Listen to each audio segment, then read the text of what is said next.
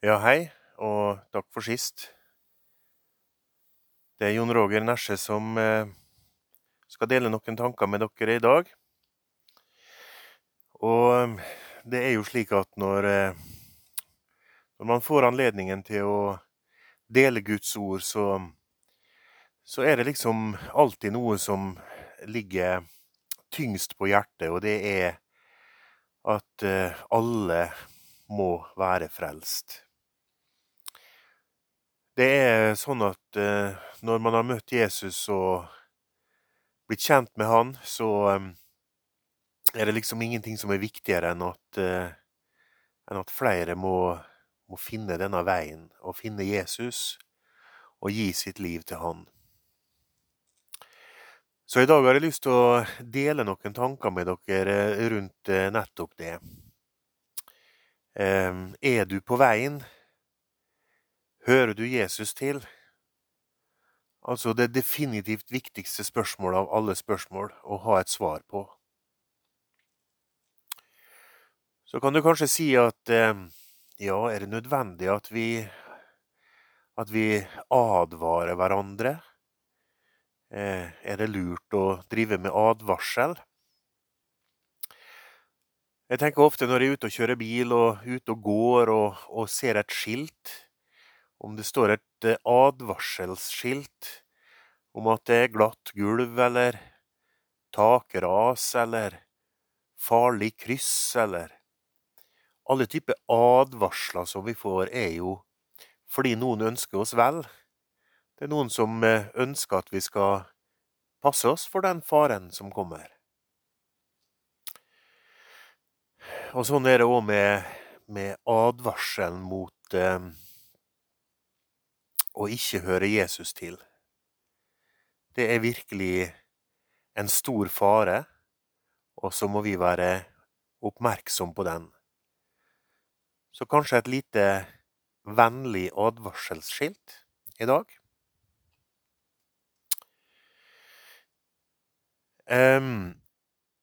Jeg har lyst til å starte med et vers eh, som du kjenner godt, eller egentlig to vers i Matteus 7 vers 13 og 14. Og i dette verset så står det slik Gå inn gjennom den trange porten. For vi er den porten, og bred er den veien som fører til fortapelsen. Og mange er de som går inn gjennom den. For trang er den porten, og smal er den veien som fører til livet, og få er de som finner den. Ja, Jesus, jeg har lyst til å be litt for denne stunda som vi skal ha sammen nå. Be for alle som hører på, hvor de nå enn sitter hen, i sin stue eller i sin bil, eller er på reise eller hjemme. Eh, Jesus, jeg ber om at du deler noen ord med oss som eh, gir oss tanke, ettertanke, og som hjelper oss på veien til himmelen. Amen. Du kjenner jo disse versene her som vi nå nettopp leste, og jeg har lyst til å, å plukke frem tre ord. For Jesus sa nemlig det at porten er trang, og veien er smal, og det er få som finner den. Trang, smal og få.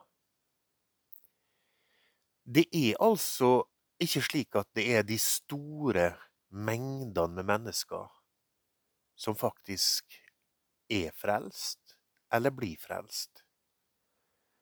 Jesus har tydelig sagt til oss at, at det er slik at det er en trang port. Altså, det er det er trangt å komme inn. Det minner meg om det bildet som vi har, tror jeg, fra boka En pilegrims vandring. Der er det bilde av en mann som forsøker å gå inn gjennom døra. Jesus som er døra, porten. Men han har så mye bagasje, han har så mange gode gjerninger og så mange synder, og han har ryggsekk med det ene og det andre som han skal ta med seg. Det er trangt. Du må faktisk legge fra deg alt ditt eget. Alt du har prestert, og all din synd, må du legge fra deg utafor denne porten. Og det er nok trangt for mange. Og smal er veien. Det er ikke sånn at det er en eh, brei vei vi går på, vi som hører Jesus til. Og så er det få. Det er ikke mange. Jeg tenker det er viktig å ha med seg at eh, det er faktisk slik som Jesus sier, at eh, det er ikke sånn at det er den store mengden mennesker som bare har eh, rakt sin hånd i været, eller som bare sier at vi er noen medlemmer, eller Nei, det er noe annet. Det er få. Og Likedan så sier Jesus i Lukas 18 at uh, når menneskesønnen kommer I vers 8 i Lukas 18 Når menneskesønnen kommer, mon han da vil finne troen på jorden? Så det skal liksom ikke bli bedre heller. Det er ikke sånn at vi går imot en stor endetidsvekkelse. Nei, det er fortsatt få som finner den. Og han sier altså mon han da vil finne troen på jorden. Så dårlig ser det ut til å bli når man nærmer seg enden på denne tid. Så hvordan er det da med meg?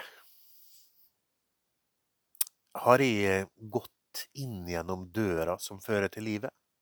Den trange porten? Går jeg på den smale veien?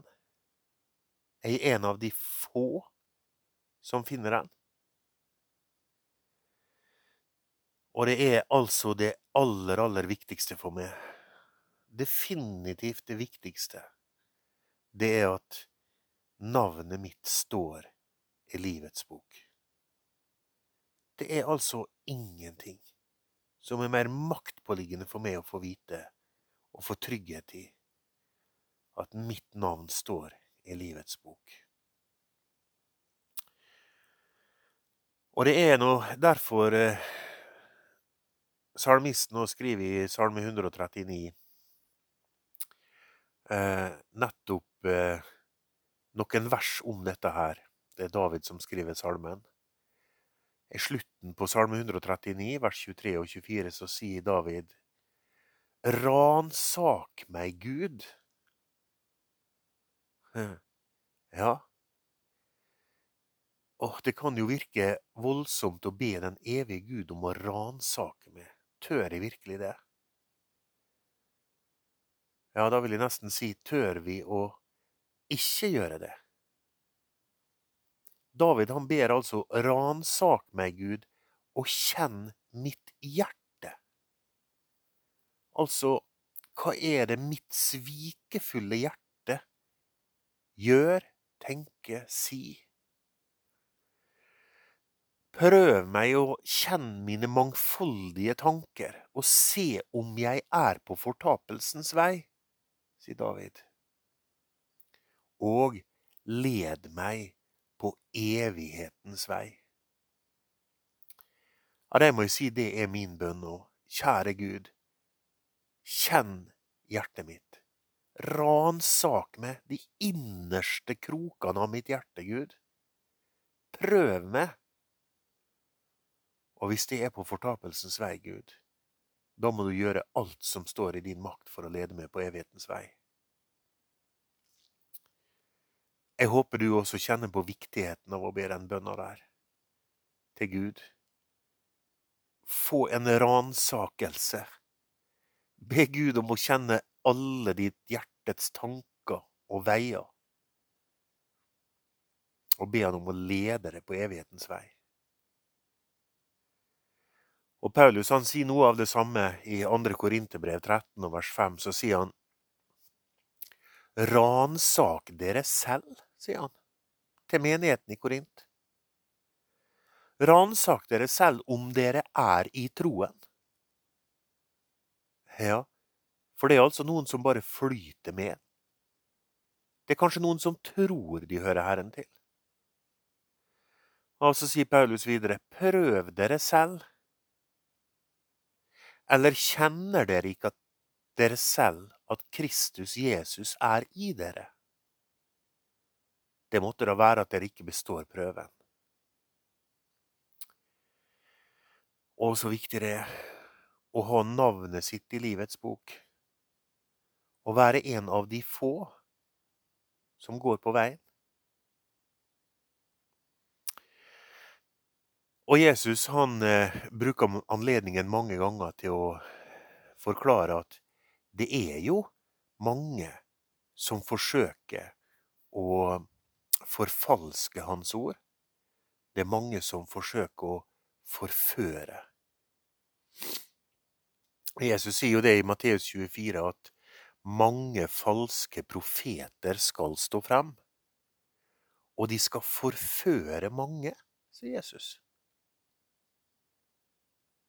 Jaha, da er det jo viktig at vi er på vakt, da, ikke sant? Og vi kunne ha lest masse om å være våken, å være edru. Altså, det handler om å, om å passe på, være på vakt. For det er, skal være mange falske profeter som skal forføre mange. Og hvis vi da igjen går til Paulus, Jesus og Paulus er enige, veit du, for det er Den hellige ånd som står bak budskapet. Og I 1. Timoteus brev 4 og første verset der så sier Paulus til Timoteus at eh, Ånden sier med klare ord, med klare ord, at i kommende tider skal noen falle fra troen og holde seg til forførende ånder og demoners lærdommer. Ja, så tenker du kanskje ja, eh, forførende ånder og demoners lærdommer, det høres, jo, det høres jo nesten ut som satanisme, det der. Det er jo ikke noe fare for at, eh, at vi begynner med det, liksom. Hvor tror du djevelen er mest aktiv hen? Jeg tror ikke djevelen er mest aktiv i eh, narkotikamiljøet eller eller blant de kriminelle, kanskje. Jeg tror kanskje djevelen er mest aktiv i den kristne menighet og i alle de religiøse trossamfunna. Han greier å lage religioner og vri på sannheten. Forførende. De skal forføre mange, sier både Paulus og Jesus ja, da må jeg be ransak med Gud, og prøv å kjenne om jeg er på evighetens vei. Jeg har av og til tenkt, og kanskje av og til sagt, at jeg er litt redd for, for eh, eh, kristelig oppdragelse. Det gjelder egentlig oss alle sammen, men også barna våre. Hva er, hva er viktig for oss? Er det viktig for oss å oppdra barna våre til et kristelig liv? Og liksom leve så kristelig som mulig? Det er jo ingen frelse i det. Jeg er av og til litt redd for at vi skal bli så opptatt av kristelig oppdragelse at det blir bare en, eh, en ytre øvelse. For bønna som vi leste om her, det er i Salme 139, det er altså Gud, kjenn mitt hjerte. For Gud han ser altså inn i hjertet, han ser ikke på den ytre øvelsen eller på religion eller religiøsitet. Han, han kjenner mitt hjerte. Og det er både skremmende, og det er godt. Og vi leste jo i begynnelsen av Matteus 7, og litt seinere i Matteus 7, så, så, sier Jesus at ikke enhver, altså i vers 21, ikke enhver som sier til meg Herre, Herre, skal komme inn i himlenes rike. Nei vel? Eh, var det ikke slik at eh, Bibelen sier det at eh, eh, dersom du bekjenner at Jesus er Herre, så skal du bli frelst? Ja, men her leser vi jo noe annet. Ikke enhver som sier Herre, Herre, skal komme inn i himlenes rike.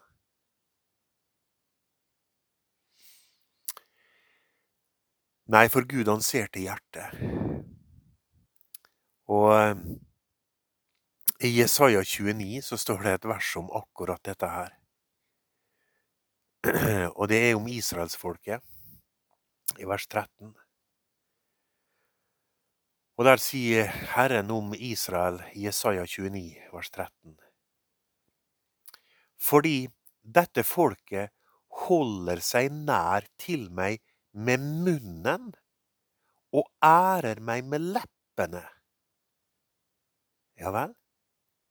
Her er altså mennesker som, som ærer Gud med leppene, kanskje i lovsang, kanskje i lovprisning, kanskje i tale og ord.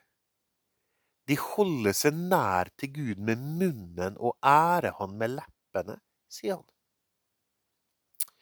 Men så sier han videre, men hjertet er langt borte fra meg, og deres frykt for meg er et menneskebud som de har lært. Kristelighet, altså. Religiøsitet. Hjertet er langt borte. Det er bare en munn, og det er tomme ord. De holder seg nær til han med munnen og ærer han med leppene. Ja, Gud han ser altså inn i hjertet, og det er der avgjørelsen står. Kjære Gud, ransak mitt hjerte. Jeg veit at porten er trang, og jeg veit at veien er smal, og at det er få som finner den. Gud, du må virkelig ransake mitt hjerte, altså. Og Bibelen har jo mange steder forklart oss at Gud, han kjenner jo til alt. Alt som vi gjør.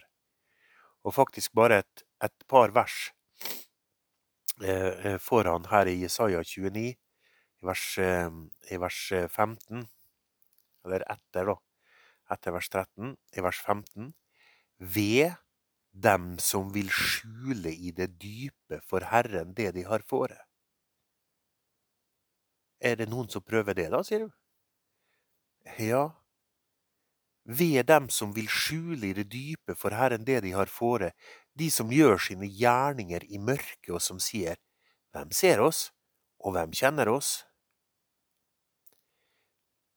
Ja, så det er altså noen som tror at de kan gjemme seg for den evige Gud. At han ikke ser hva du og jeg holder på med. Nei, den evige Gud ser hver eneste tanke, hvert sekund. Og i begynnelsen av Salme 139, som vi også leste litt av her tidligere, så sier jo David nettopp det. At eh, enten jeg sitter eller står, så vet du det. Og langt borte fra så forstår du min tanke. Og det er ikke et ord på min tunge. Se, Herre, du vet det alt sammen. Det er uforståelig, sier David. Og i vers 7 så sier han i Salme 139.: Hvor skal jeg gå fra din ånd, og hvor skal jeg flykte fra ditt åsyn? Nei, og så konkluderer han det er jo ingen sted. Det er ingen sted det er mulig å flykte fra Gud. Når du og jeg er på arbeid. Når vi sitter alene på kontoret eller vi jobber med noe, så ser Gud oss. Når du og jeg sitter alene i heimen vår, om vi er på stua eller på soverommet, om vi tenker på noe Gud kjenner alt. Det nytter ikke å ha en kristen oppdragelse. Det nytter ikke å ha ei flott maske som alle mennesker rundt oss tror at vi er fine kristne, hvis ikke hjertet er på plass. Og så kommer vi til det verset i Romerbrevet 10 som du kanskje har tenkt på. Romerbrevet 10 og vers 9 og 10. Og der står det jo For dersom du med din munn bekjenner at Jesus er Herre Ja, der har vi det, tenker du kanskje. Er det ikke sånn at vi Alle de som bekjenner at Jesus er Herre, de er jo frelst? Nei, da har vi bare tatt halve verset med oss. For her står det, dersom du med din munn bekjenner at Jesus er Herre, og i ditt hjerte tror at Gud reiste ham opp fra de døde, da skal du bli frelst. Med hjertet tror en til rettferdighet, og med munnen bekjenner en til frelse. Jeg kan ikke dele det opp. Det henger sammen. Og Gud ser inn i ditt og mitt hjerte. Kjære Gud, ransak mitt hjerte. Prøv mine mangfoldige tanker, og led meg på evighetens vei. Ja, Johannes skal vi si litt om til slutt her. For han eh, forklarer oss også litt om dette her. I Johannes 17 og vers 3 så sier han skriver Johannes. Og dette er det evige liv. At de kjenner deg, den eneste sanne Gud, og ham du utsendte, Jesus Kristus. Ja. Så det handler om å kjenne Han og være kjent av Han. Prøv med Gud. Prøv mitt hjerte. For det er så viktig for meg å høre det til. Jeg vil kjenne det, Gud. Og går vi da til det første brevet Johannes har skrevet, så sier han i kapittel 2, 1. Johannes brev, kapittel 2, og vers 3. Ved dette vet vi at vi har lært ham å kjenne. Å, så deilig. Det går altså an å vite om vi har lært ham å kjenne. Og da sier han hvordan? Jo, ved dette vet vi at vi har lært ham å kjenne, om vi holder hans bud. Det betyr ikke at du lever et fullkomment liv og holder alle hans bud. Men du kjenner hans bud, du er glad i hans bud, og du elsker å leve slik som Gud har sagt. For han sier i neste verset, Den som sier Jeg kjenner ham, men ikke holder hans bud, han er en løgner, og sannheten er ikke i ham. Dette her er ikke gjerningskristendom, men det handler faktisk om et hjerte som er omvendt til Gud. Et hjerte som høre på Guds ord og høre på alt han har sagt, og tror at det han har sagt, er sant. Og vers 5. Men den som holder Hans ord, i ham er sannelig kjærligheten til Gud blitt fullkommen. Av dette vet vi at vi er i ham. Så det handler altså om hjertets omvendelse. Hva sier hjertet ditt til Guds ord? Er det slik at hjertet ditt elsker å høre Guds ord? Har ditt hjerte bruk for ordet om korset? Har ditt hjerte bruk for Guds ord? Tror ditt hjerte på det Gud har sagt? Ja, det kan være vanskelig å forstå, men bøyer ditt hjerte seg for at Gud har rett? Og det er viktig. Og det er viktig å ha det rett med Gud. Det er så viktig å være frelst. Det er så viktig å ha sitt navn i livets bok. Det er jo ingenting som er viktigere enn det. Og så skal vi ta med oss noen vers fra slutten av første Johannes brev, som Johannes da skriver på slutten her. I kapittel 5, vers 10 eh, til 13. Den som tror på Guds sønn, har vitnesbyrdet i seg selv. Den som ikke tror Gud Altså, det handler jo ikke om å tro på at det fins en Gud. Det gjør djevelen også, det, og alle hans engler, og de skjelver. Men du tror Gud. Den som ikke tror Gud, har gjort ham til en løgner fordi han ikke har trodd det vitnesbyrdet Gud har vitnet om sin sønn.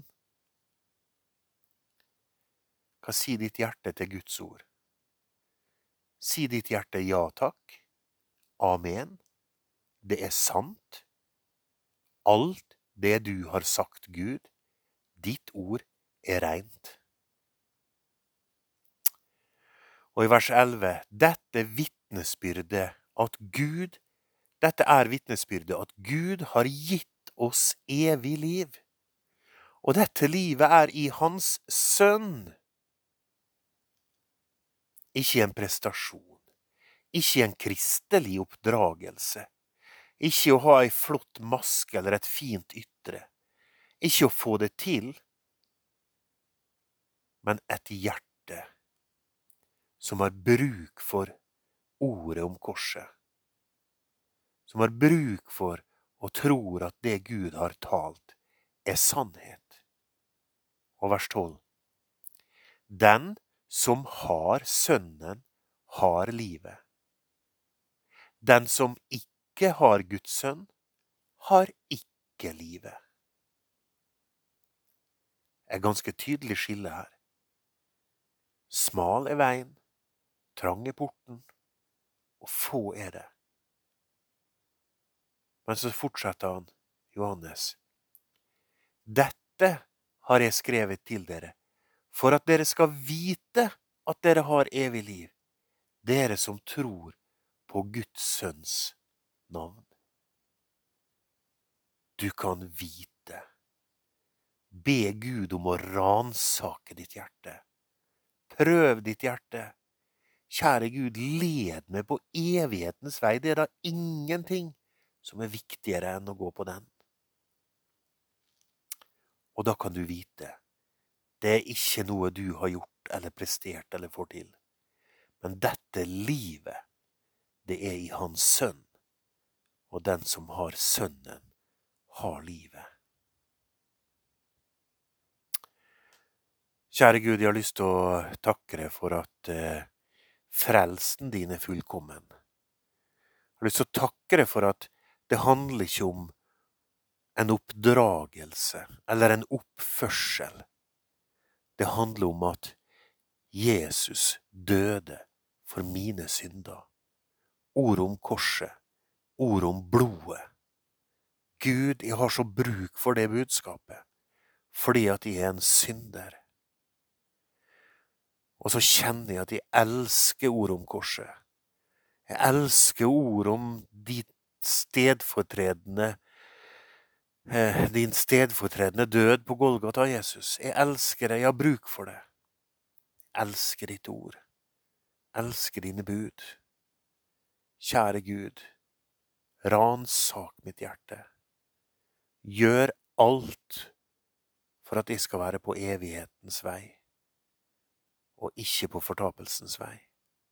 Det er det viktigste spørsmålet for alle. Hjelp meg til å ikke bare ha en eh, kristelig oppdragelse og veit hvordan jeg skal oppføre meg, men at mitt hjerte er på rett plass, og at mitt navn står i livets bok. Amen.